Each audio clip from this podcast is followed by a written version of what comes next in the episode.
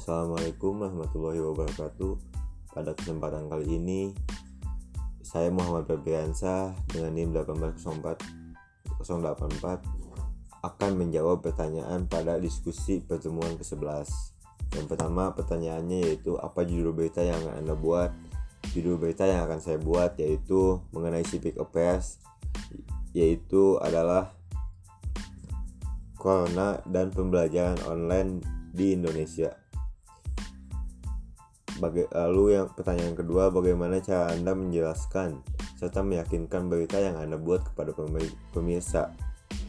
Yang pertama, saya akan menjelaskan berita tersebut secara realistis dan juga e, mencantumkan beberapa data, fakta, dan juga teori-teori menurut para ahli. Lalu selanjut, selanjutnya saya pun akan melakukan sebuah wawancara kepada beberapa yang mengalami dampak tersebut seperti pembelajaran online kepada mahasiswa ataupun siswa.